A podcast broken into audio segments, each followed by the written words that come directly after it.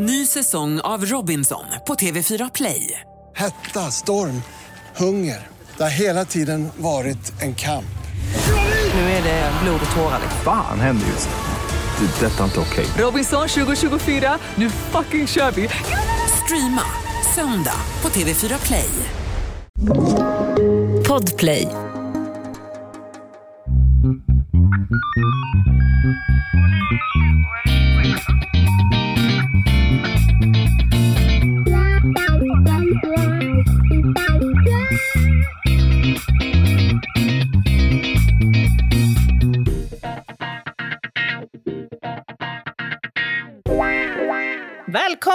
Till krimpoddarnas krimpodd Över min döda kropp.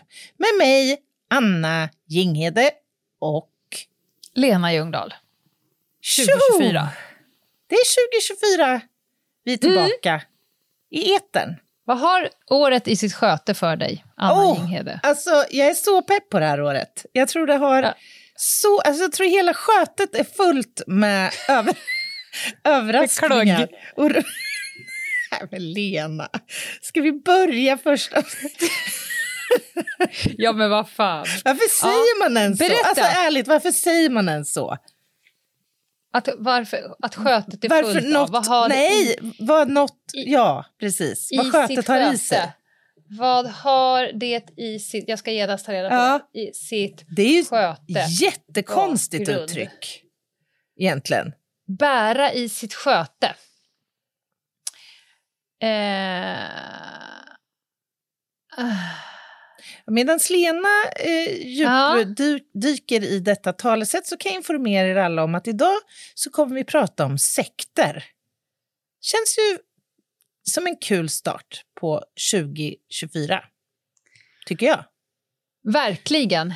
Eh, att eh, medföra för framtiden. Jag vill inte ha synonymen, det förstod jag ju i och med att jag ställde den frågan så.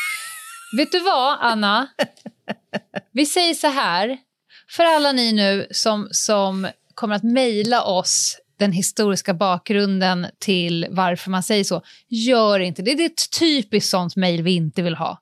Men jag Därför att det, nej, men det är ju faktiskt bara en googling bort. Jag tyckte det var väldigt roligt, eh, apropå ingenting. Jag, la ut en, jag gjorde ett socialt experiment igår på Instagram. Mhm.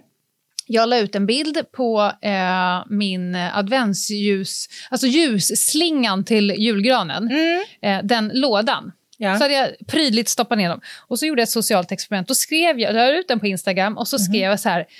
Vem tar på sig uppgiften att tredje advent nästa jul eh, skicka ett DM till mig och skriva Lena, börja från vänster så trasslar inte. Ja, det Och så, och så satte alltså. jag mig ner och så tänkte jag, jag undrar hur lång tid det kommer ta innan jag kommer få tusentals, nu kan du tro att det här är en rövhatt men det är det inte, men hur, hur många, nej inte tusentals, men jag fick ganska många DMs med förslag på hur jag skulle kunna göra för att påminna mig själv. Jaha! Som att den tanken skulle inte kunna komma till Nej, mig. just det. Sätta ett larm jag ville, eller? Ja, eller exakt, jag typ. ville ha liksom ett socialt experiment. Kan folk ta regi? Alltså, Ja, jag ja. ville fråga, vem tar på sig uppgiften att, att meddela mig? Just det, det är ganska lätt. Eh, du kan skriva en lapp. Du kan rita en pil i lådan. Åh, vad du, Du kan- älskar den här typen av feedback. Alltså. Ja, det ja. är så... Jag tycker att den, det har så jävla mycket. Därför att det får ju mig att tro, att, att vara helt fascinerad över hur låg hjärnkapacitet... Jaha! Jag kan göra lite noter, alltså jag kan göra något, skriva en lapp, göra en pil. Jag tycker det är jätteroligt. Åh, ja, men det finns ju en rad olika exempel på hur liksom kommunikation och interaktion failar Ja. ibland. Sådär. Ja. Du vet, jag fick ju en allergisk reaktion för någon månad sedan. Och då Ja. försökte jag vara lite putslustig. Och, så jag la ut en bild på mig själv då med liksom ödem i hela ansiktet och Ja. framförallt runt jag ögonhålorna. ut. Så, och så skrev jag då, nej, nu börjar det nog bli dags att ta tag i den där ögonlocks eh, plastikkirurgin igen. Varvid jag fick om det. typ 25 tips på bra plastikkirurger i landet. Ja. Ja, tackar, tackar. Ja, men jag tycker ändå att eh, alla som hörde av sig, det är ju inte av ondo, utan de tänker jag har ju en toppen idé här. Ja. Om du sett, ja, och det är ju hjälpsamhet man får. Men det, i och med att jag gjorde ett socialt experiment, hur många kan ta regi? Men till slut börjar det då droppa in såna här eh, skärmdumpar på att folk har lagt in en notis till sig själv för att, de ska kunna med... dig. Ja. Ja, Ja, för jag ville ju då 15 december nästa år bara få en jävla massa meddelanden där det egentligen bara står börja från vänster. Det är Ah, kul. det är kul. Och då har jag ju glömt bort det här. Så då undrar jag, vad är jag, var ska jag börja och varför? Nog om det! Mejla oss inte vad, vad, vad eh, en Wikipedia-sida från Bära sitt sköte. Den, den kommer vi hitta själva sen. Ja, garanterat. Mm. Har Sekter haft, sa du? vi har haft... Ja, men först lite kort. Vi har haft Ja, juluppehåll. Ja. Har det varit skönt, tycker du? Att vara poddledig? Något så jävulst Mm. skönt. Alltså inte bara det, utan att, att haft eh, Ledigt. jullov. Ja, Underbart. Härligt ju. Nej, jag, jag kan bara hålla med. Jag Ja. har chillat. Det har varit så skönt. Men, men jag har Mm. en liten grej jag skulle vilja delge dig innan vi går in på sekttemat för dagen. Ja. Jag, var nämligen, jag, jag lovade i ett svagt ögonblick eh, avkomman att vi skulle mellandagsrea-shoppa. Eller ja, Idiot. mellandags. Det är ju Alltså inte avkomman, utan du. Ja, Just det, idiot. just det. Vad är, vad, hur svaga ögonblick kan en människa Ja, ha, undrar Men jag. det, här, det som låg i potten var att ge sig ut i 25 minusgrader och eh, snöstorm till Mall of Scandinavia som ligger drygt 20 mil bort. Så, att, Fy fan! Alltså fy fan! så nu fick det bli det lokala köpcentret.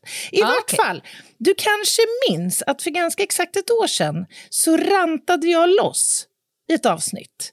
Om, Ja, det sa du ju nu här innan jul, ja, om Just det, glasögonen. Om gla- min Mm. sons eh, julklapp, ja, som, som jag försökte eh, byta till ett par utan att larmet satt, som inte larmet satt kvar på. Mm, exakt. Så att han kunde använda dem när vi skulle åka på skidresa. Och det, det, det visade sig att det var väldigt, väldigt svårt att liksom mötas. Mötas. Alltså att jag skulle kunna mötas med det här butiksbiträdet. Det Mm. löste sig ju sen, eh, som ni kanske minns. Men så var ju då häromdagen, på denna butik, Ja.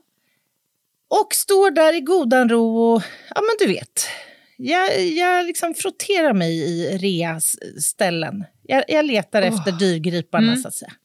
Som alla andra har missat. Mm, ja, absolut. Och, och då kommer det fram en, en kille. Och så, och så säger han så här, hej, hej, urs- ursäkta att jag, om jag stör här mitt i shoppingen. Och jag såg ju det, jag identifierade honom som anställd. Får jag säga kedjans namn eller kanske jag inte får? Skit i det.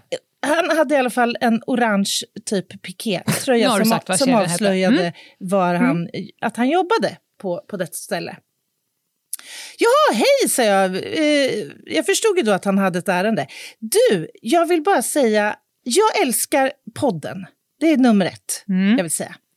Eh, det, jag, har också, jag hörde också av mig till dig efter att det här tokiga blev Ja, förra det året. minns jag. Ja, och det Mm. jag med. Jag, och då var jag tvungen att credda honom. Jag sa, fasen vad härligt att du gjorde det. Och jag vill minnas att du nämnde att du använde den här händelsen i någon form av internt, du vet så här, så här bemöter vi kunder, så här. Ja. Ja, och, och han, han vill. Antirövhattsutbildningen som Ja, alla men borde precis. gå. Mm. Och han kunde inte nog understryka hur tacksam han var för att vi hade pratat om detta i podden. Och så nämnde han att han har alltså använt det här, den här erfarenheten som ett exempel i, inom ledarskapsutbildning nu efter. Så att det här har liksom följt med nu under ett år. Typ den här händelsen som vi pratade om i podden. Alltså, Det är ju jag- roligt. Alltså man blir så glad. Så himla... Alltså hur proffsigt? Du hade ju föraktat det om någon hade kommit fram till dig när du var ute och, och privatshoppade. Men jag tyckte bara det var härligt. Alltså jag tycker att det är ju eh, väldigt bra av honom att använda ett dåligt exempel och att göra någonting bra av det. Ja. Sen ska han ju fan i att gå fram till folk på Nej, det tycker jag inte. Jag Nej. tycker det var Nej. superhärligt. Jag var så glad och nöjd och, Mm. och shoppade i butiken Ja, såklart. innan jag gick Ja, därifrån. du gick, allt är Du förlåtet. gick ju på allt. Ja, ja. ja absolut. Nåväl, precis innan jul, eh, uppehållet, så hade vi en uppesittarkväll som lockade Mhm. nästan 800 pers. Kul. Alltså, ÖMDK-familjen är ju helt ljuvlig. Det visste vi ju, Mm. men 800 pers. Tanken slog mig då att kan detta möjligen börja liknas vid en sekt? Det vi håller på med. Eh, men den tanken måste ju ha slagits. Min man blev ju rädd för våra poddlyssnare när han för första gången liksom inmundiga någonting av podden. Och Det var när vi var på Rival och hade crime. Han, han bara, det var något lite så läskigt i blicken hos alla. Som att de, som att de är lite så här psyksjuka. Ja, men Ja. absolut. Ja, det, ja. Det, det ligger i Det är sakens natur. lite sekteristiskt eller sektiöst. Vad är en sekt? Alltså, vad är en sekt? Jag har försökt att läsa mig till eh, en, någon slags eh, universell definition och har gått bet. Det Du har är, gått till litteraturen. jag, jag har verkligen gått till litteraturen i min research till det här avsnittet, kan jag, kan jag lova er. Det finns en massa olika definitioner eh, och, och inga egentligen eh, entydiga, eh, även om det finns gemensamma komponenter. Om man går till Nationalencyklopedin så förklaras en sekt så som en mindre grupp som skiljer sig från omgivningen med sina åsikter och levnadssätt. Mm. Crossfit, Ja, till exempel. det finns, ja. Ja. yoga, alltså det, det finns säkert en mängd ja. exempel på detta. Mm. Eh, och ibland så förknippas, eller ihop, sammanblandas kanske rätt ord, sektbegreppet med kultbegreppet. Men det har jag lärt mig nu att sekten, den är mer organiserad kring en ledare än kulten. Som, Okej. som liksom eh, kan uppvisa samma egenskaper i övrigt som en, en sekt. Eh, jag hittade i alla fall en definition eh, i en bok från 2009. Där beskrivs en sekt som en samlad grupp individer som förenas genom en gemensam religiös eller ideologisk tro eller syn eller på grund av en tilltro till en viss person som då oftast fungerar som sektledare. Ja. Och det, det är väl inga överraskningar egentligen? Nej, i den det låter som, jag hade, som Ja. jag hade tänkt det. Men, Samma här. men jag tänker att det också finns saker som man tror är säkert men som kanske inte är det. Ja, men så är det ju. Och det ska också understrykas, tycker jag, att alla sekter ju inte är varken religiösa eller destruktiva eller extrema egentligen. Det är bara det att ordet sekt har ju fått en ganska negativ klang. Eller hur? Får jag göra ett litet instick där? Absolut. Jag såg ett, eh, en dokumentär om eh, mathållning och nutrition i USA. Oj, ja, jag ska spännande. absolut inte brodera ut det här längre. Men de gjorde i alla fall test på enäggstvillingar som har en ganska likartad genetisk uppsättning och eh, så att säga eh, Ganska likartad. plattform att stå på. Ja, det får vi lov att säga. eh, men då gjorde de i alla fall eh, tester eh, och så. Och sen så fick man lära sig lite mer om varför det ser ut som det gör i USA med extrem eh, eh, övervikt här och var. Och då hittade de, liksom, tog de två stadsdelar på varsin sida av en highway. Eh, var på ena sidan så var nästan alla överviktiga och snittåldern var ganska låg. och Jadi, jadi. På andra sidan vägen, alltså vi pratar, det finns liksom Oj. samma vatten de dricker, samma luft de andas, samma, liksom, det, det finns ingenting i det geografiska som, som skulle kunna påverka. Nej, nej. Nej. Eh, men på andra sidan eh, vägen så levde de pisselänge. Eh, var inte överviktiga och uppskatt, eh, skattade sig själva som väldigt lyckliga.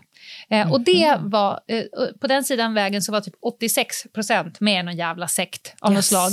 Eh, och då konstaterar man att, då bara reflekterar vi att nej, alla sekter är faktiskt inte destruktiva, utan i det här fallet så, se, sett till välmående och hälsa, de hade ganska eh, strikta rutiner, mat och sovklocka, de åt extremt hälsosamt och vegetariskt, de eh, mediterade mycket, eh, de eh, hade ingen ekonomisk stress, och, sådär. och det påverkade ju levernet. Och då tänkte jag så här, ja vad fan, sen vet ju inte jag vad som också ingår i den där uh, utövandet som eventuellt skulle kunna vara negativt, men sett till hälsan, för då mätte de ju människor. Eh, konstaterar man att ja, då var det bättre att bo på den sidan gatan om man vill leva länge, ha få sjukdomar och, upp, och skatta sig själv som lycklig. Det här är ju sjukt intressant. Alltså, många sekter omges ju av en manipulativ del Som, Ja. alltså det är ju nästan grundläggande för att få liksom sektmedlemmarna följsamma och så här, sträva mot något slags gemensamt eh, Ja. mål eller ideologi. Och det, har ju säkert, det är säkert aktuellt och tillämpbart även i det här exemplet. Men, men exemplet är också, visar ju också tydligt att det kan finnas väldigt många positiva utfall av att Ja. leva så. Ja, säkert. Intressant. Mm. Eh, om man vänder sig till religionsvetare för att få en eh, bättre definition av en sekt så är det en som ibland åter, eller ofta återkommer. Och den bygger på eh, punkten 1, att gruppen är en frivillig organisation. Även om det finns en tröskel så att säga, för att uppnå ett medlemskap. Scientologerna till exempel, de har en massa utbildningar och utbildningspaket som en medlem liksom måste ta sig igenom. Ja. Två, gruppen är exkluderande. Det vill säga, om man tvivlar som medlem på gruppens eh, i övrigt gemensamma syn på någonting Mm. så riskerar man att eh, kastas ut ur sammanhanget, Ja. så att säga. Tre, medlemmarna ut, eh, utgör en elit. Alltså, de betraktar sig som överstående, eller vad Ja, säger just man? det. Eh, Mm. Mycket annat. Superior. Superior, precis. Eh, Och det här eh, närs genom att man då matas med från en sektledare eller någon i den liksom, eh, överst i den hierarkiska pyramiden av att man är utvald. Och man eh, uppmuntras i att tro detta. Den här gruppen, punkten 4, är ofta i konflikt med det omgivande samhället och det är inte så svårt att förstå egentligen eftersom Nej. man ofta avviker från de normer som i övrigt finns i ett samhälle. Mhm. Alla anses vara präster, det vill säga att alla sektens medlemmar har rätt till själva sanningen, den som då proklameras inom gruppen. Eh, punkten 6 eh, lyder det finns höga etiska krav i, internt, vilket skapar hängivna medlemmar. Och då är det just deras etik. Exakt. Ja, den de Exakt. själva har hittat på. Mm. För det finns också, också asketiska regler kring alkohol, sex, mycket annat som så att säga också ska hanteras inom gruppens synsätt och normer.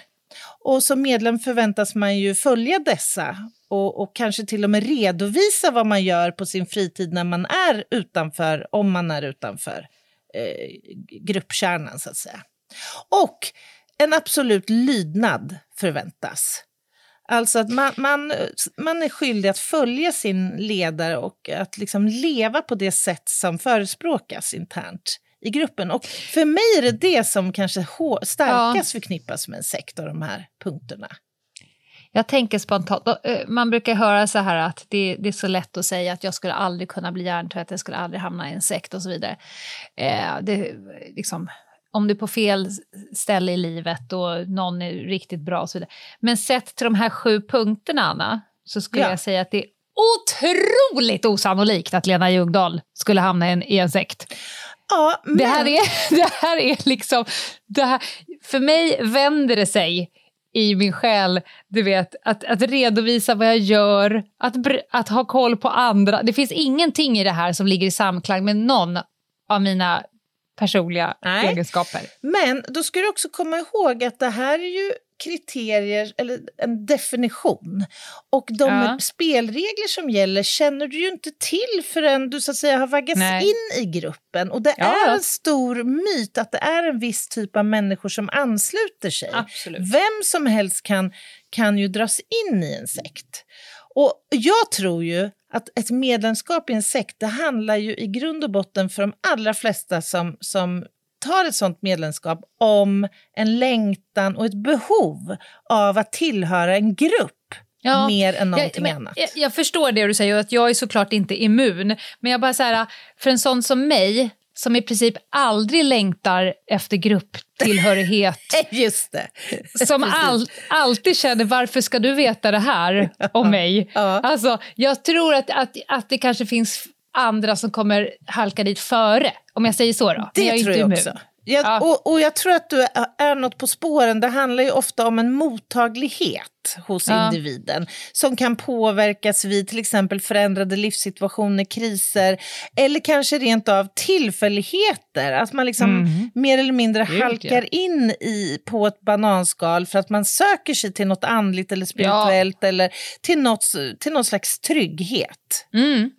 Innan vi går på paus så tänkte jag bara eh, dra lite grann vilka typer av sekter man brukar prata om. För det finns nämligen ett eh, flertal olika som skiljer sig lite grann utifrån dess eh, liksom, motiv. Och man brukar benämna de här som destruktiva, självdestruktiva eller manipulativa. Och det här är då sekter som får anses vara eh, tillhöra de som kan orsaka liksom skada och kanske innefatta våldshandlingar i... Eh, ja, du förstår vad jag menar. Den manipulativa sekten har eh, som särdrag att rörelsen liksom syftar till att radera ut din identitet som medlem. Ditt, ditt egna jag, så att säga. Och ersätta med någonting som representerar det vi tror på. Den ideologi som, som vi ska eh, lyssna till. Och det ledaren säger är mer eller mindre lag. Är man oliktänkande eller ifrågasättande så kan man ses som, som ond. Medlemmar som tvivlar, ifrågasätter eller vill lämna en sån här sekt kan alltså hotas. Ja. Eh, och man kan hotas med att, eh, så att säga, bestraffas av Gud och dö och bli sänd till helvetet. Och då ska man komma ihåg att någon slags grundpelare för många av dessa medlemmar är ju en tro. En gudatro. Så de här orden får ju en enorm liksom, kraft. Ja, Såklart. det är också en särskild eh, typ av rövhatteri kan jag tycka. Att om man ger sig på människor som är sökare, som kanske är jag-svaga eh, och söker en, en mening, en tillhörighet till en grupp och sen när du får den, eh, hotet om att bli av med det, eh, det är ju... Ja, finns det siffror på suicid? Det måste Ja. det ju finnas. Ja, det gör det säkert, men jag har faktiskt varken letat efter det eller... Jag kan, tänka mig att den, ja, jag kan tänka mig att den psykiska hälsan är rätt svajig när det kommer till Ja, men det... att, ja, att avskiljas. och det är ett faktum. Det, det Ja. redogörs ganska tydligt för bland de här som jobbar med avhoppare att psykisk ohälsa, ångest och självmordstankar är väldigt vanligt förekommande. Eh, man utövar en- någon slags mind control eh, genom mer eller mindre programmering. Alltså, du, du ska plocka bort och tvätta bort ditt gamla jag och dina gamla föreställningar och nu kliva in i det här nya. Genom hårda ord, bestraffningar, även fysiskt våld förekommer i vissa av de här sekterna och särskilt om man också uttrycker en avvikande åsikt. Kontroll över ekonomi, inte heller ovanligt att du ska ge din lön till den här eh, sammanslutningen eller sekten. Eh, och några exempel här är ju till exempel Livets Ord anses vara en manipulativ sekt och scientologerna. Och jag läste, jag läste en jätteintressant artikel av en avhoppare som, och jag har tag, klippt ut ett litet citat från honom. Han säger så här, scientologerna påstår sig vara en kyrka men har egentligen inget religiöst budskap. Det är terapin som är grunden i allt. Dels går man i egen terapi, dels lär man sig att bli terapeut. Alltihop är extremt dyrt. När jag slutade på 1990-talet så kostade en terapitimma 5 000 kronor. Om man inte hade pengar kunde man börja jobba inom rörelsen och få terapin som en del i ersättningen. Och så är man fast. Ja. När jag lämnade scientologerna hade jag 4 miljoner kronor i skulder. Och alla de pengarna åkte ner i Tom Cruise ficka. Eller? Ja, en del av kanske i alla fall. Säkert. Så sjukt. Hörni, vi går på en paus.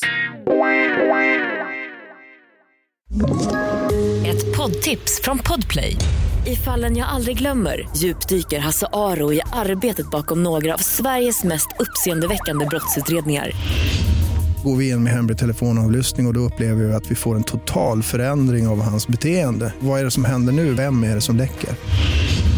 Och så säger han att jag är kriminell, jag har varit kriminell i hela mitt liv men att mörda ett barn, där går min gräns. Nya säsongen av Fallen jag aldrig glömmer på Podplay. Välkomna tillbaka till krimpoddarnas krimpodd Över min döda kropp. Och idag är det Anna Jinghede som sitter bakom spakarna och hon håller på att ta oss igenom det här med olika typer av sekter. Ja, Varsågod. tackar, tackar. Vi pratade ju före pausen om manipulativa sekter och nu ska vi prata lite grann om så kallade destruktiva sekter som eh, präglas av en antidemokratisk inriktning. Ofta en toppstyrning av både individer och dess känslor, tankar och eh, engagemang. Liksom i de manipulativa sekterna så ska man inte ifrågasätta. Eh, isolering är ganska vanligt, alltså isolering från omvärlden. Man strävar kollektivt efter att bli de enda kvar på jorden. Eh, och ett exempel på en destruktiv sekt, det är Aum, den högsta sanningen, eller Aum Shinrikyo.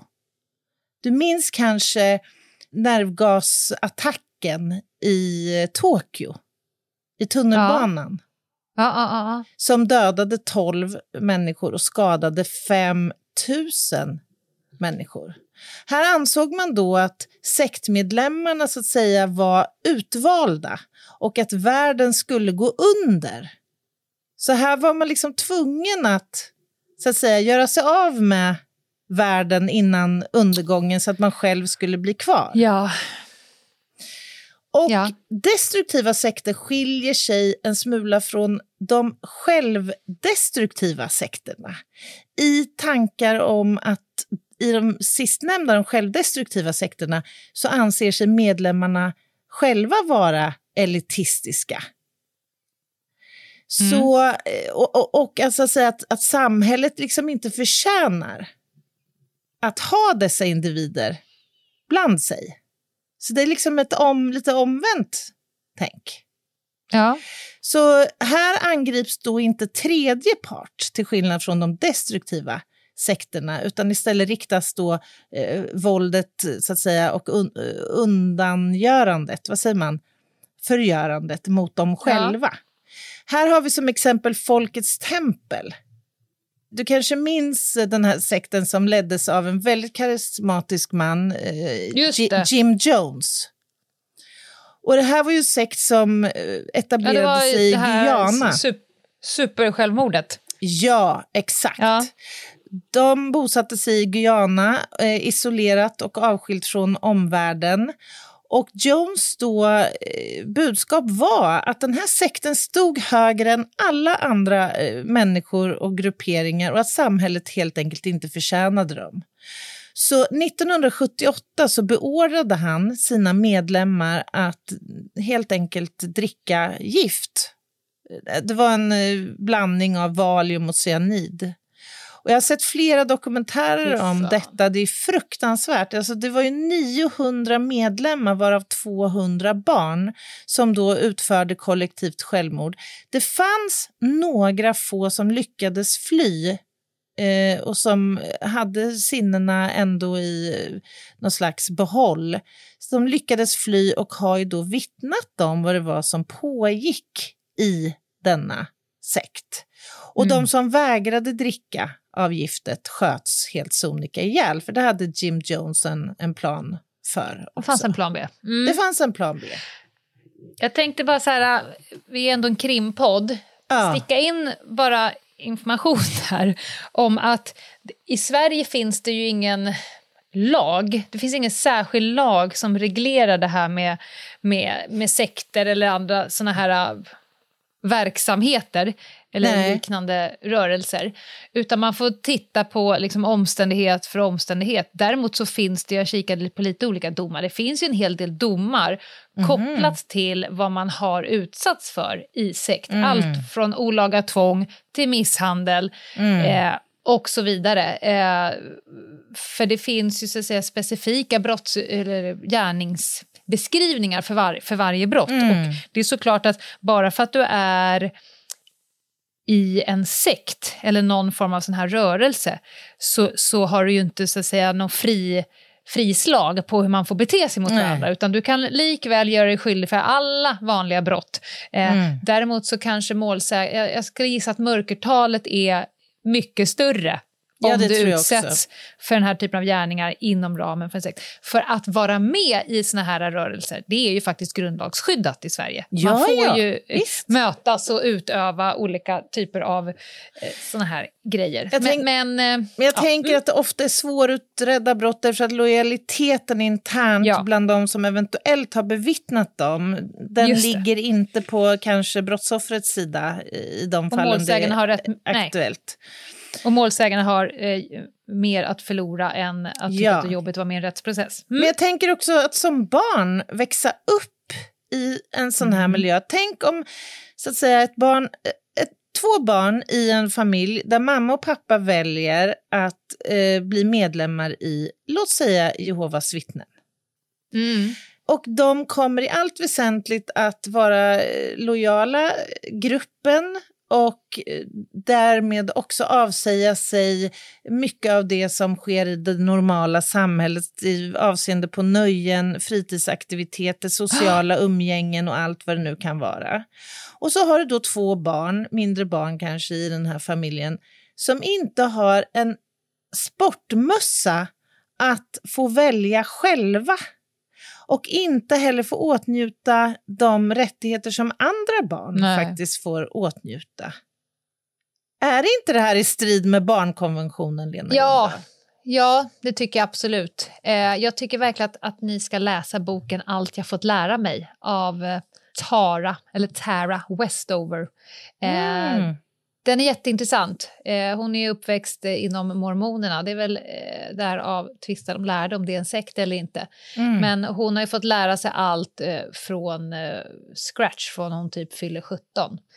Intressant. Mm. Det Mycket. är intressant för oss andra att få en, en, en inblick i detta. Verkligen, verkligen. Jag har ju läst nu då, inför att vi skulle podda idag, ett antal eh, så att säga, skildringar av avhoppare och andra med kunskap om detta med sekter, för vi är inte jättekunskapstunga på temat egentligen.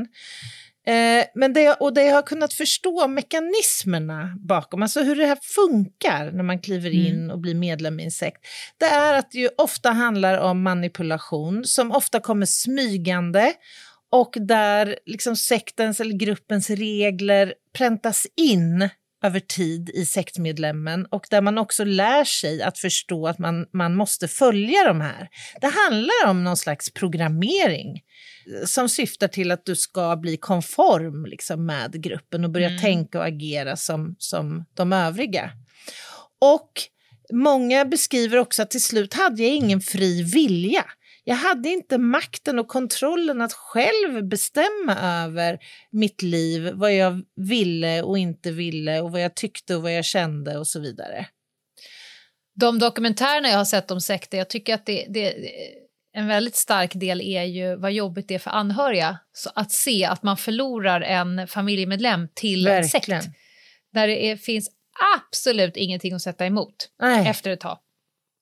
Nej, och jag jämför, när jag har läst nu så inser jag att det här är ju faktiskt ganska likt det vi ser när människor hamnar i destruktiva rel- relationer. Ja.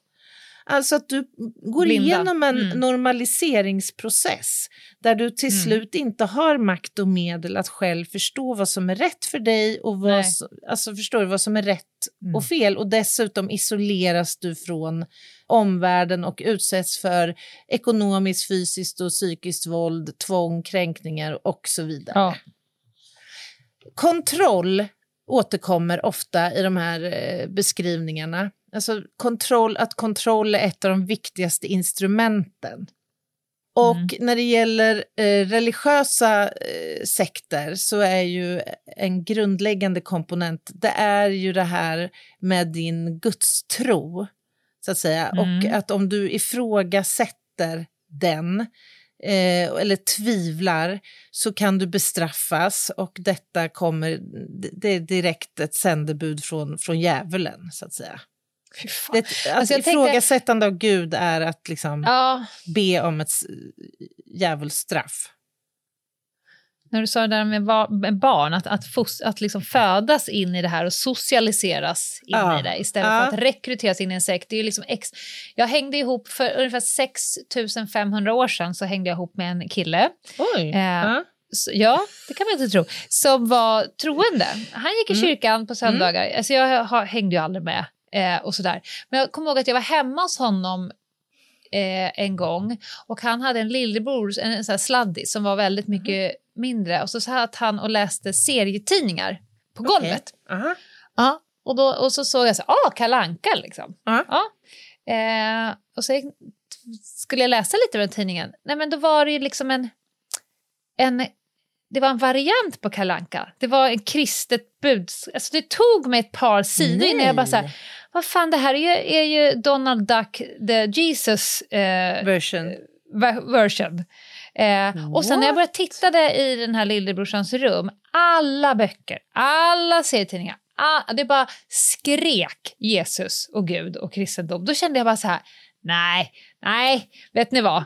Man måste ändå få, få välja, alltså det måste Ja. ändå finnas... Det där, det där jag- skaver i Nej. mig. Det behöver inte Ja. handla ens om att vara med i en sekt. Jag Nej, tycker att det här var ju varje- vanliga jävla kristna, ursäkta Ja. uttrycket, det här var vanliga liksom, eh, svenska kyrkan kristendom. Men det var så fruktansvärt på eh, tvingande. Ja, ja. Eh, så man bara, nej men eh, kan inte det här ung, unga få välja själv vad de ska hitta på? Ah. Jag menar, alla som tror på Gud är så otroligt övertygade om att det är just bara min Gud som Mm, finns och de andra, eh, så här, det, det måste finnas väldigt många gudar tänker jag som finns, om alla har rätt. Ja, ja, gud, Kan man vi inte få välja inte, själv? Ja, Vi ska inte Nej. gå in i den Nej. diskussionen nu, men där, det kan vi ta på nästa uppesittarkväll. Jag tyckte att det var... Ja, exakt. Jag, jag tyckte att det var jobbigt. Jag tittade på den här familjen och bara kände så här, nej, det finns inte liksom en frihet i det Nej, här. jag tänkte säga jag fick det. bara en sån känsla. Ja. ja, tack för att du delar med dig, Lena. Ja. Jag var ju naturligtvis nyfiken på att veta hur många såna destruktiva och manipulativa och så vidare sekter det finns i Sverige. För det är ändå inte något som Ja. man så här superofta hört talas om. Så jag har läst och jag har gått, som jag brukar, till litteraturen och läst mig till att det finns någonstans mellan 300 och 400 sekter i Sverige. Bara det Mm. tyckte jag var en siffra som, eh, ja, wow. Och Wow, alla kan, wow. Det måste, flertalet kan ju inte vara klassade som Nej. destruktiva. Nej, nej, nej, såklart inte. Det, det är viktigt att, att poängtera. Ungefär ett dussin av dessa anses vara Mm. destruktiva eller manipulativa. Och när man har gjort då kartläggningar och försökt liksom bedöma så här, vilka sekter ska vi förhålla oss till så som varandes manipulativa eller destruktiva eh, så föreslås att scientologerna, Jehovas vittnen, familjen, tidigare Guds barn, Livets ord, satanisterna, brobyggarna i Göteborg, jag har ingen aning om vad det är för gäng, eh, och några till anses tillhöra de här destruktiva och eller manipulativa sekterna. Ja. Och det blir en ganska bra övergång till en Förlåt, annan... förlåt, men Aha. förlåt. Kan jag få göra en liten spaning? Kan jag bara få göra en liten spaning? här? Gärna, gärna. Jag föreslår nu att ni alla eh, googlar på Brobyggarna och så tar Ah, ni en spännande. titt på hemsidan. Ni kan bara ta första sidan och så gör ni bara en, prof en profilering av de som bygger hemsidor. Nej, jag vill att ni tar en, en profilering av de som bygger hemsidorna. För, för så här ser det alltid. Jag har gjort ett par såna här hot och riskbedömningar genom åren, Ja, Anna, ja. på just de här, inte just på Brobyggarna, men Nej. det ser alltid ut så här som startsida. Varsågod och titta på brobyggarna.org. Brobyggarna i Göteborg. Är det den Ja, här klicka på den. brobyggarna.org? Ja, och så suger du bara lite på typsnittet och layouten på startsidan. Det ser alltid ut så här. Hundra fall av hundra ser ut så här. What? Alla jävla pengar de drar in, ska de inte kunna anställa någon jävel som har lite layout-skills? Det är ändå fantastiskt om man nu om man nu känner sig mottaglig, lite sårbar och vilsen och vill ansluta sig till no- en grupp. Ja, Så att säga, Nu att du, vart jag inte alls. Ja. Och sen kommer du in på den här sidan och, och när du har varit den fortfarande känner att du är intresserad. Så att säga. Ja. Då Alltså, det är så fruktansvärt fult och så fruktansvärt 1991. På alla, alla de här sekterna har Men jag läser här, samma- det, Ja. på, de har en sektion på hemsidan här, Jesus helar. Och det översta kan jag läsa om en person som blev helad från dövhet i vänsterörat. Plötsligt var det som en propp gick ur örat och jag kunde höra trafiken. Kan det kanske ha varit en vaxpropp? Rev, revaxör som har varit där och vevat. Nej, det blir ett nytt... Det blir ett avsnitt Ja. i avsnittet här känner jag. Ja, exakt. Vi går vidare. Låt mig ta oss tillbaka till temat och prata lite grann om eh, en eh, gruppering eller sekt.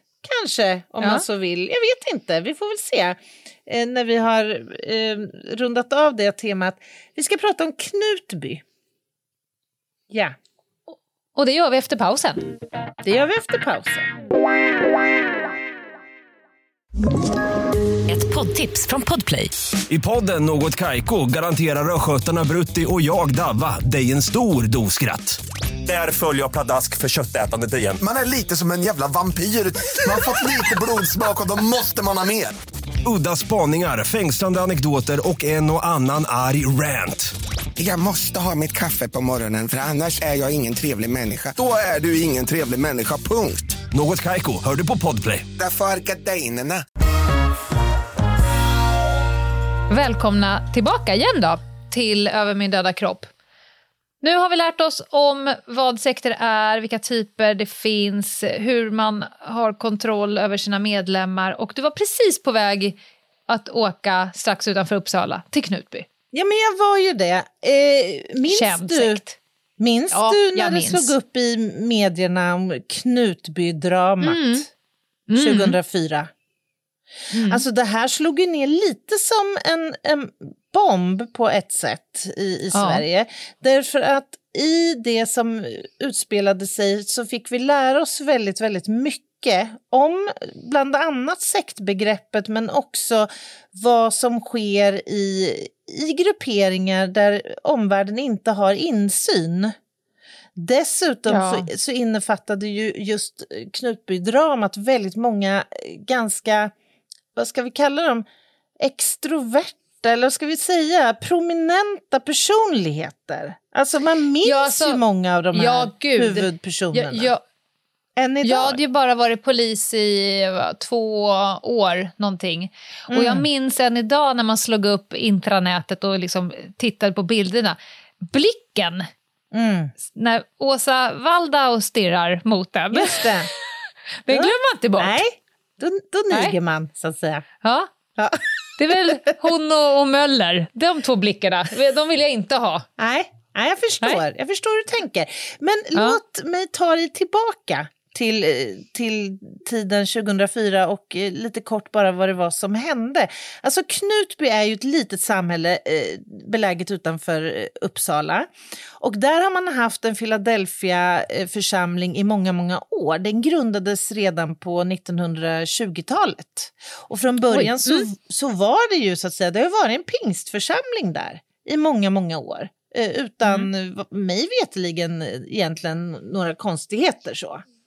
Mhm. Men eh, det skulle ju visa sig då eh, när hela det här dramat eh, utspelar sig att det har förekommit väldigt hierarkiska ledarstrukturer i församlingen.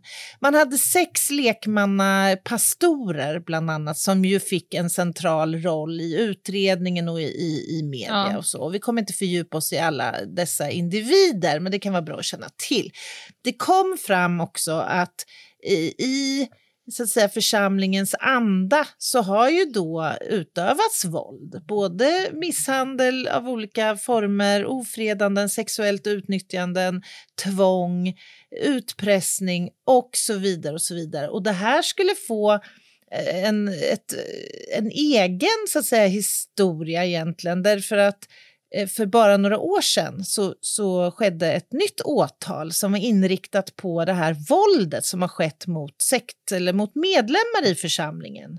Eh, företrädesvis då av några av dessa pastorer. Men jag återkommer till det eh, Mm. lite senare. Men det man kan konstatera det är att det fanns ganska tydliga direktiv om hur man skulle bete sig som medlem i församlingen. Och det skilde lite åt beroende på om man var kvinna eller man. Männen... Det får man väl lov att säga. Ja, Ja, det, det var väl kanske man. the understatement of the year. Ja, precis. Männen ansågs vara Jesusanhängare och eh, förpliktigade att agera som ledare. Kvinnor skulle lyda och inte säga emot männen eller tävla mot andra kvinnor. Mannen skulle ge kärlek till sin fru och närvara på sociala tillställningar innanför och utanför hemmet. Om kvinnan behövde hjälp i hushållet, ja då skulle mannen ställa upp. Kvinnan Mm. skulle låta mannen älska med henne och inte skämmas över det. Hon skulle inte heller sluta göra sig vacker för sin man.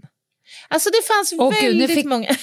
Nu ska jag göra mig vacker. Ja. Ja. nu ser jag framför mig den här, vad är fjant? Här mamma. Ja, här mamma. Hon, nu ska jag göra mig vacker. Så har hon en orm i håret. Så vacker skulle man behöva göra sig.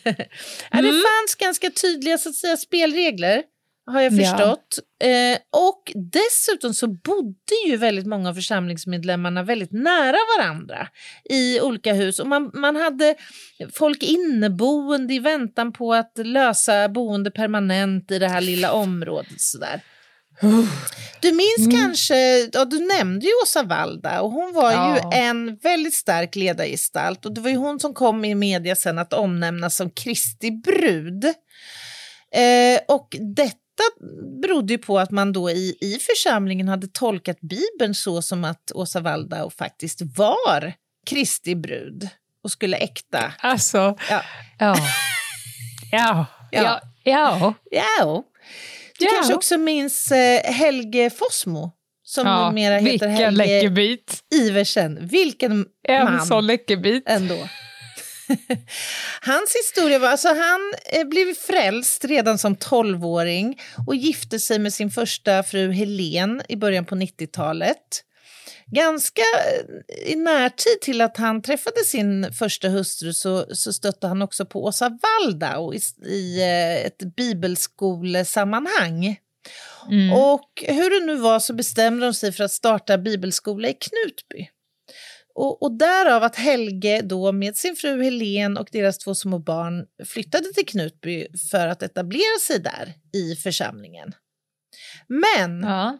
väldigt kort efter att de har flyttat dit, den 18 december 1999, så anträffas Helges hustru Helen avliden i badkaret med väldigt stora mängder eh, läkemedel i, blodet. Dextropropoxifen. Ja. Och det här avfärdades som en olycka då, även om utredningen senare skulle öppnas upp eh, på nytt. Helge han skulle ganska exakt ett år senare gifta om sig med Åsa Waldaus lilla syster Alexandra. Så Alexandra blev då Helges andra hustru. Du kanske också minns Sara Svensson, barnflickan som blev en centralfigur i denna historia. Hon flyttade alltså in till Helge och därmed också Alexandras bostad för att hjälpa Helge när han under eh, en period insjuknade och blev... Eh, han beskrev det som att han blev besatt av demoner. Ja, Och- trist. Ja, visst.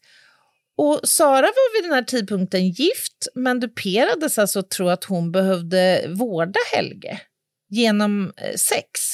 Hon behövde ge Mm. sex till Helge för att hjälpa honom att fördriva hans demoner.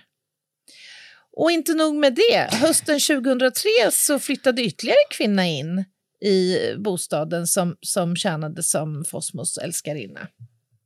Så vad var det som hände då? Ja, i den här församlingen så utvecklades ju en stark hierarkisk ordning med dessa sex eh, pastorer och med den gemensamma tron som någon slags grundfundament. Eh, eh, I efterspelet till det som kom att hända så har det ju framgång, framkommit att det har förekommit en hel del våld, förnedring, förtryck och andra faktiskt rent av brottsliga handlingar för Absolut. att liksom hålla detta i eh, schack på något sätt. Men det som ju blev eh, det vi kommer att minnas Knutby för var ju det som hände då 10 januari 2004 när pastor Helge Fossmos fru Alexandra hittas mördad. Det är alltså då Helges andra hustru. Skjuten med tre skott i, i huvudet, varav två har varit dödandes. Detta sker i parets gemensamma bostad. Eh, Fosmo Fossmo ligger i ett rum eh, i anslutning till detta eh, sovrum där Alexandra har sovit och säger sig ha sovit tillsammans med en av sönerna vid tidpunkten för skjutningen. I grannhuset så hittas en 30-årig man, Daniel Linde, skottskadad. Men han överlever den här attacken. Och vid den här tidpunkten då så hade ju Fossmo både en relation till sin hustru, till barnflickan Sara Svensson och med Daniel Lindes fru, som då Mm. var hans älskarinna.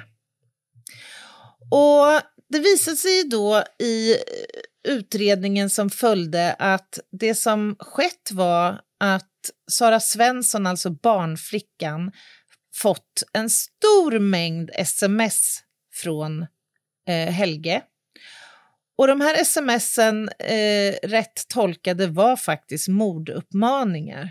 Eh, och inte minst så handlar det om en manipulation av Saras egna eh, vilja. Och hon kom ju senare att eh, dömas för detta, eh, alltså mord på Alexandra och mordförsök på Daniel Linde. Och hon ska senare säga förhör att hon gjorde detta i tron att hon följde Guds ord. Oh. Eh, planen var, det här sked, skedde då i januari, planen var faktiskt att barnflickan skulle mörda Alexandra redan eh, två månader tidigare, den 8 november. Och i utredningen så framkommer att vid den här tidsperioden, mellan den 4 november och den 8 november, så får barnflickan sju stycken sms med uppmaningar att utföra dådet. Alltså tydliga instruktioner hur hon ska gå till, tillväga. Mm. Och eh, hon försöker också den 8 november på natten genom att gå in då i gästrummet dit eh, Helges fru hade förpassats att sova. Eh, hon fick inte längre sova i sovrummet tillsammans med Helge för där sov ju eh, älskarinnan. Hon gick in med hammaren dold och först så vaknar Alexandra och undrar vad hon gör inne i hennes rum och då slänger hon ur sig något att hon skulle hämta något, tandkräm tror jag. Och sen väntar hon ytterligare en timma och gör ett nytt försök. Går in i, sovrum, i gästrummet där Alexandra sover och hon vaknar även denna gång. Men trots det så fullföljer hon och slår henne upprepade gång, gånger i, i huvudet. Alexandra överlever den här attacken eh, och barnflickan lämnar Knutby. Hon beger sig till Småland och till sin familj för att eh, antagligen inte då eh, gripas eller anges eller jag vet inte. Intressant nog så var Helge Fossmo borta vid det här första eh, tillfället. Vid mordförsöket. Han var och tankade bilen mitt i natten för att de skulle resa bort dagen efter. Ja, tackar, och tackar. Man skulle kunna tänka att det är också ett kanonbra sätt att få, skaffa sig ett alibi på. Jag vet inte. Man skulle kunna tänka sig det. Ja. Jag har läst eh, de här smsen som Helge har skickat till Sara. Eh, och jag, jag kan bara konstatera att de är ju otroligt manipulativa. Han uttrycker sig så som om det vore Guds eh, uppmaning till henne. Och eh, sett ur hennes perspektiv då så är ju hennes främsta vilja att vara Gud till lags. Så man kan förstå någonstans hur förvirrande det måste ha varit för henne. Han uppmanar henne helt enkelt att hon måste göra det här av kärlek och det måste ske. Eh, och eh, om du gör det här så kommer det räknas dig till godo inför honom och så vidare. Alltså han Mm. utnyttjar sin ställning här, sin pastorala ställning för att få Sara att begå de här gärningarna.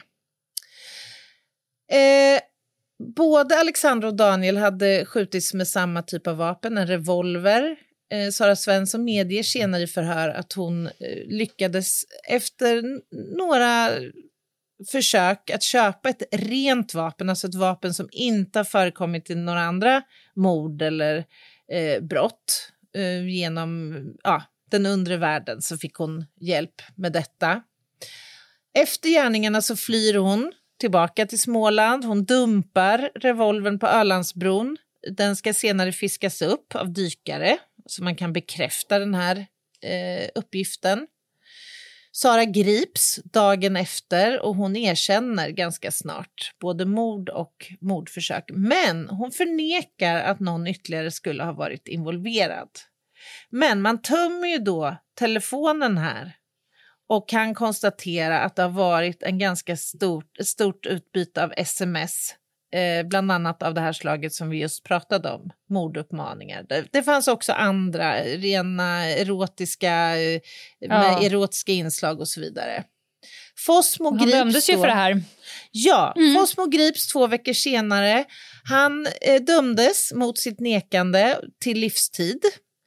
Eh, och det blev senare tidsbestämt efter ett antal försök till detta, till prövning. Mm-mm. Han, dömdes, eller han fick till slut 26 års eh, fängelse och frigavs 2022. Barnflickan dömdes till rättspsykiatrisk vård. Och man kan ju fundera på vad var det som ledde fram till detta? Alltså hade det med, liksom den, med s- sektens beskaffenhet att göra eller sekten som företeelse att göra? Eller fanns det helt andra motiv bakom detta? Jag tycker det verkar som att Helge tycker att det är rimligt att de som eh, skulle kunna stöka till det för honom i hans sätt att leva eh, plockas eh, bort. Ja, men hade det kunnat ske utanför den här kontexten? Alltså det Ja. här, alltså hon var ju trots allt, eh, vad ska jag säga, de levde Färdigmanipulerad. Ja, men på något sätt så Ja. tänker jag att den här gudstron och, och liksom hela den här biten såklart har varit som ett eh, brottsverktyg för Helge Fossmo. Ja, såklart. Eller? Ja, såklart. Ja, alltså det har varit otroligt mycket efterspel kring detta. Vi ska inte fördjupa oss i det, därför att det har vi inte tid till. Det jag Nej. kan nämna är att i september 2017 så polisanmälde faktiskt en av församlingens, de här, en av de här sex, eh, sig själv och andra för olika händelser som hade ägt rum eh, under 2010-talet. Det handlade om eh, våldshandlingar helt enkelt. Misshandel, eh, sexuellt utnyttjande och olaga tvång och, och allt vad det nu var. Så att det här har fått ett efterspel faktiskt ganska många år efter eh, själva alltså mordet och mordförsöken. Ja. Och den här församlingen finns ju inte kvar längre. Det gör den inte heller. Den, eh, den avvecklades 2018. Två ord om avhopp. Jag kan konstatera utifrån vad jag har läst på bland annat eh, Hjälpkällans hemsida. Gå in och, och läs där, ni som är intresserade. Det är en jättebra hemsida. Avhopp är utmanande och svårt. Tänk dig själv, ofta är hela din familj involverad. Om du lämnar som ensam familjemedlem så, så finns ju risk att du förlorar kontakten med både gruppen du lämnar men också hela din familj. Så plötsligt så har du ingen trygghet utanför sekten i liksom det verkliga livet. Det är också svårt att anpassa sig till de normer som finns utanför den här gruppen om du har levt här i många, många år. Många har ju också en stark gudstro Eh, vilket gör att de fortfarande kan känna långt, långt senare en, en stor rädsla att de sviker Gud om, genom att man har lämnat sekten och inte har levt utifrån eh, vad man tidigare uppfattat vara rätt sätt, så att säga. Ja, och jag skulle bara avslutningsvis innan du får komma in med rövhatten Lena vilja säga, för det slår mig att visst kan väl avhopp från en sekt liknas vid det som kan ske från kriminella gäng i mångt och Absolut. mycket. Jag tänkte precis sticka in här en annan hemsida som jag tycker att ni alltid ska gå till eh, för att jag också jobbar med dem. Men CVE, det är faktiskt en myndighet, Ja. Centrum mot våldsbejakande Ja. extremism. De håller också en hel, en hel del på med, och där finns det också information om extremism, om avhopp och eh, stödnummer och länkar för orostelefoner för både vuxna, för anhöriga, för föräldrar och sådär. Så det Mm. finns ju hjälp att få. Och är man på väg in i någonting som skulle kunna vara destruktivt, då kommer man behöva hjälp. Mm. Verkligen. Mm. Verkligen. Ha, eh, jag tycker att om du känner någon som kan vara i behov av hjälp, som vill hoppa av eller just har gjort det, eh, så vill jag verkligen rekommendera eh, en eh, hemsida som heter då Hjälpkällan. Där finns det jättemycket fin information. Man kan också mejla till dem för stöd och hjälp på hej hjälpkallan.nu. Hjälpkallan.nu. BRIS såklart också eh, tillämpligt för dig som är barn eller ungdom och behöver stöd och hjälp. 116 111 116 111. Och för övrigt så finns det en del hjälpresurser på nätet som man kan googla sig till snabbt. Mm. Viktigt. Bra, viktigt, Anna. viktigt. Ha, Mm. Har vi någon samhällsinfo innan Rövhatten bjuds in i matchen så att säga? Nej, de allra flesta vet väl att om man går till vår hemsida Ljungdahl och Ginghede så hittar man allt man behöver där. Hur Ja. man får tag på oss, var man ser vad vi gör, om vårt Instagram, om alltihopa. Det är det enda man behöver veta. Ni kan tatuera in det på vänster skinka. Så var bra med det. Annars har vi väl inget annat. Nej, och är man intresserad av att höra mer om det här temat, det slog mig nu, jag sa nog inte det, men det finns faktiskt flera väldigt bra dokumentärer, det finns också böcker på temat och det finns mycket skrivet. Jag hittade jättemånga välskrivna och bra uppsatser som belyser olika aspekter på specifikt Knutby faktiskt. Så uh, googla på. Men nu Lena... Jag tror, inte när Ja, du drog, jag tror faktiskt inte när du drog eh, Knutby, jag tror inte att det kom som en super surprise och nyhet för någon. Det, det är väl Det den jag heller. sekten som, så att det, det, eh, det finns jävligt bra, många bra saker. Men jag tyckte Just därifrån, visste- för att det jag- innehöll allt. Ja, men exakt. Och jag tyckte jag, eller trodde jag visste ganska mycket om vad det var som hände. Men det är, alltså, det, det är så mycket i den här historien så att vi skulle kunna ha gjort tre avsnitt på bara En klassisk soppa. en Mm. klassisk soppa. Så krämig och god. Du, vad får vi för rövhatt idag? Lenas rövhatt. Ja, den är väl lite tids... Eh, vad ska man säga? Bunden. Mhm. Va, vad tycker du om fyrverkerier, Anna? Äh, fy fan. Berätta. Nej, men alltså i år, jag har varit så arg så jag har liksom eh, funderat på hur kan jag manifestera min aversion mot detta. Jag har också en liten kattpojke hemma som jag har varit jätteorolig för nu. Jag vet inte. Ja, Jo, jo, men ja, katter men, kan också reagera negativt på men du, är, du är orolig. Alltså när din katt är trött, då, då väcker du den och så skickar du en film på mig. här, kolla, vad, kolla vad trött den ser ut. Ja, den sover ju, ditt, din idiot. Låt han vara. Okej, var han rädd för nej. smällare? Nej, han var inte det visade det sig. Men jag Nej. har ju naturligtvis läst på. Eh, Och, och förstått att även katter kan faktiskt... Jag har också haft hundar, eller tagit hand om hundar som har varit livrädda. Mm. Så jag har sett på nära håll vad det här gör med djur. Och i år Ja. så var det så otroligt mycket som cirkulerade i sociala medier om hästar som hade eh, självdött av skräck Ja, jag vet. kolik som, till följd Mm. av traumat. Alltså, det var så många historier, så i år kände jag bara, nej men för helvete, vad ska vi ha den här skiten till? Ja, Så Va? ungefär Ja. så känner jag. Ja okej, vad fint.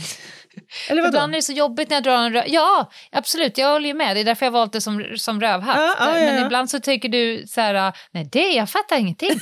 Det är ingen jobb. Så här- Jag ville, bara, jag ville trycktesta dig lite Ja, grann. ja, ja. Nej, Ja. Här, här jag en väldigt, Vi väldigt minns ju alla så tydlig... att säga när du höll på att skratta läppen av dig för ett rådjur som höll på att stressa ihjäl sig själv. Ja, tyckte du var det roligaste var som har hänt. osmakligt. Förlåt mig. Nej men så här, jag... Jag kan till en viss del förstå fascinationen av saker som smäller och sen så ser det fint ut. Vi minns ju alla Vattenfestivalen Ja, i ja. Stockholm på 1800-talet. Jag har fått uppleva kinesiska nyåret i Hongkong. Det är ganska ballt. Mm. Men, skulle jag vilja säga. För det första, så jag vet inte, om man skulle ta hur lång tid man njuter gentemot hur mycket det kostar, man undrar hur snabbt man bränner nej, upp nej. pengarna. Det, det är ju på ett sätt helt Det sinnessjukt. är helt sinnessjukt. Ja. Helt. Och jag vill inte höra ett jävla gnäll om bensinpriser, elpriser, matpriser eller någonting annat av en person som ens tänker tanken på att gå och köpa fyrverkerier på nyårsafton. Nej. Gör du det, då har du inget mandat över Nej. att gnälla över några priser. Det är det första. Mm. Har du så gott ställt så du liksom kan vaska 14 000 monsterpuckar, ja, men då kommer nästa problem. Och det är som du säger, hade det varit så att det bara sköts på tolvslaget, om vi, jag ger er Exakt. fem i tolv till fem över tolv, mer, mer än tiden så kan du inte behöva. Det är också kallt, du har också bara såna här eh, kalasbyxor på dig Mm, mm. och jazzloafers. Det det, går inte. Du, du fryser, du måste gå in nu. Ja, ja. Mm. Men då har vi de här jävlarna som börjar smälla, inte bara vid lunch, utan tre veckor innan. Ja, ja. ja. Så jag har ett litet förslag här. Mhm. Jag har ett förslag. Spännande. Därför att ja. jag tror inte att vi kommer få bort det helt eftersom Nej. det verkar vara en grej att man vill spränga upp pengar. Men om vi bestämmer oss att så här, alla vuxna människor och alla människor som är liksom vettiga vid tolvslaget, det är i och för sig inte så många vuxna människor Nej, som är det. nej, Men om vi säger så här, 10-12 till 10 över 12, Mm. där har vi liksom etapp två. Men sen har vi också snorungarna som de allra flesta vuxna vill att snorungarna sover klockan 12. Mm. Så att jag ger dem kanske 20.50 till 21.10 också. Där Mm. har ni en lucka till för er som vill skicka upp några raketer med era snorungar så att ni sen kan Just det. liksom söva dem. I övrigt är det dödsstraff. Mm. Alltså, Mm.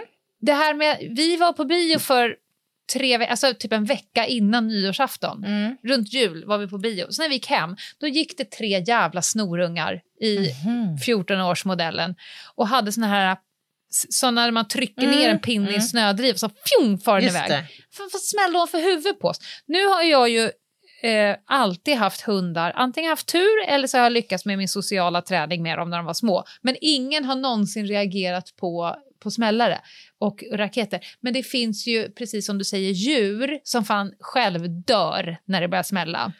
Ja, jag vet också exempel på människor som har flytt krig faktiskt. Som tycker Ja, det är som får- fruktansvärt ja, som lider av obehagligt. Som man väcker liksom eh, trauma till liv. Ja. Alltså någonstans så kan jag tycka så här, det måste finnas någon slags balans mellan vad människan uppskattar som något häftigt, snyggt på himlavalvet Ja. och dyrt under Ja. sju minuter. Och eh, övriga levande organismers lidande. Ja. Alltså, Ja. Rådjur Kom igen och harrar. Och, ja, nej, och eh, jag fattar att man som hundägare kan åka till Arlanda och nu hade ju Jo, massor av de här privatparkeringarna upp. Men, men det, du, kan ju inte och du kan ju inte bo där i tre veckor Nej. för att folk går runt och spränger saker. Och jag har bara reflekterat över, jag är med i massa såna här grupper runt om området där jag bor. Fy fan vad mycket djur det är som har dragit i Ja, panik. Och nu är det, det är fan missing dogs är ute överallt i alla skogar och försöker Nej. hämta de här hundarna i 15 minus. Nej, hörni, fruktansvärt. så här, Sen om du måste får jag bara slänga in en brasklapp till. Det Ja. vi inte pratar om överhuvudtaget är ju också vad det här gör för miljön. Ja, ja, jag Kan vi tänkte prata precis om komma till 100 det. miljoner? Dagen efter. Exakt. Mm. Dagen efter så ligger... Om du nu smäller, då ska du fan i mig ta rätt på ditt jävla Ja. skit också. Ja. Bra. Nej, om du är en sån eh, konstig person så du måste, eh, och jag vet det, jag har egna diskussioner med eh, mina egna tonåringar, då är det liksom då är det 0000 Mm. för dina egna pengar och sen tar du bort skiten Mm. och sen skäms du hela vägen hem Sen ber för om att ursäkt folk för vad du har ställt till med. Exakt, exakt. Känn skam för den du är. Ha så kul. Ja, ha så jävla kul då, du och Ja. dina, din pyro Ja. där. Exakt. Nej, Nej, jävla dumheter. Ja. Sluta! Utrota fyrverkerier. Ni kan göra något annat på tolvslaget. Ja, men Ge ärligt det talat. närmast en jävla blöt tungkyss istället. för att hålla på smälla mycket saker. härligare. Ja, ja, Mm. ja. ja bra rutet, Lena. Bra rutet. Hörni, det blir inte mer än så här idag. Men eh, vi hörs och ses. Om en vecka är vi tillbaka. Ta hand om er. Bye, bye. Hej då, hej då.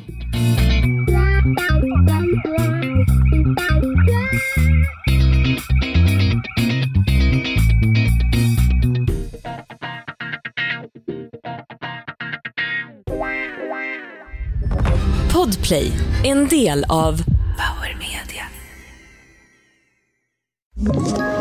Ett poddtips från Podplay.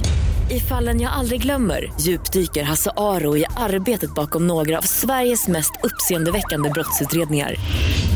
Går vi in med hemlig telefonavlyssning och, och då upplever vi att vi får en total förändring av hans beteende. Vad är det som händer nu? Vem är det som läcker? Och så säger han att jag är kriminell, jag har varit kriminell i hela mitt liv men att mörda ett barn, där går min gräns. Nya säsongen av Fallen jag aldrig glömmer på Podplay.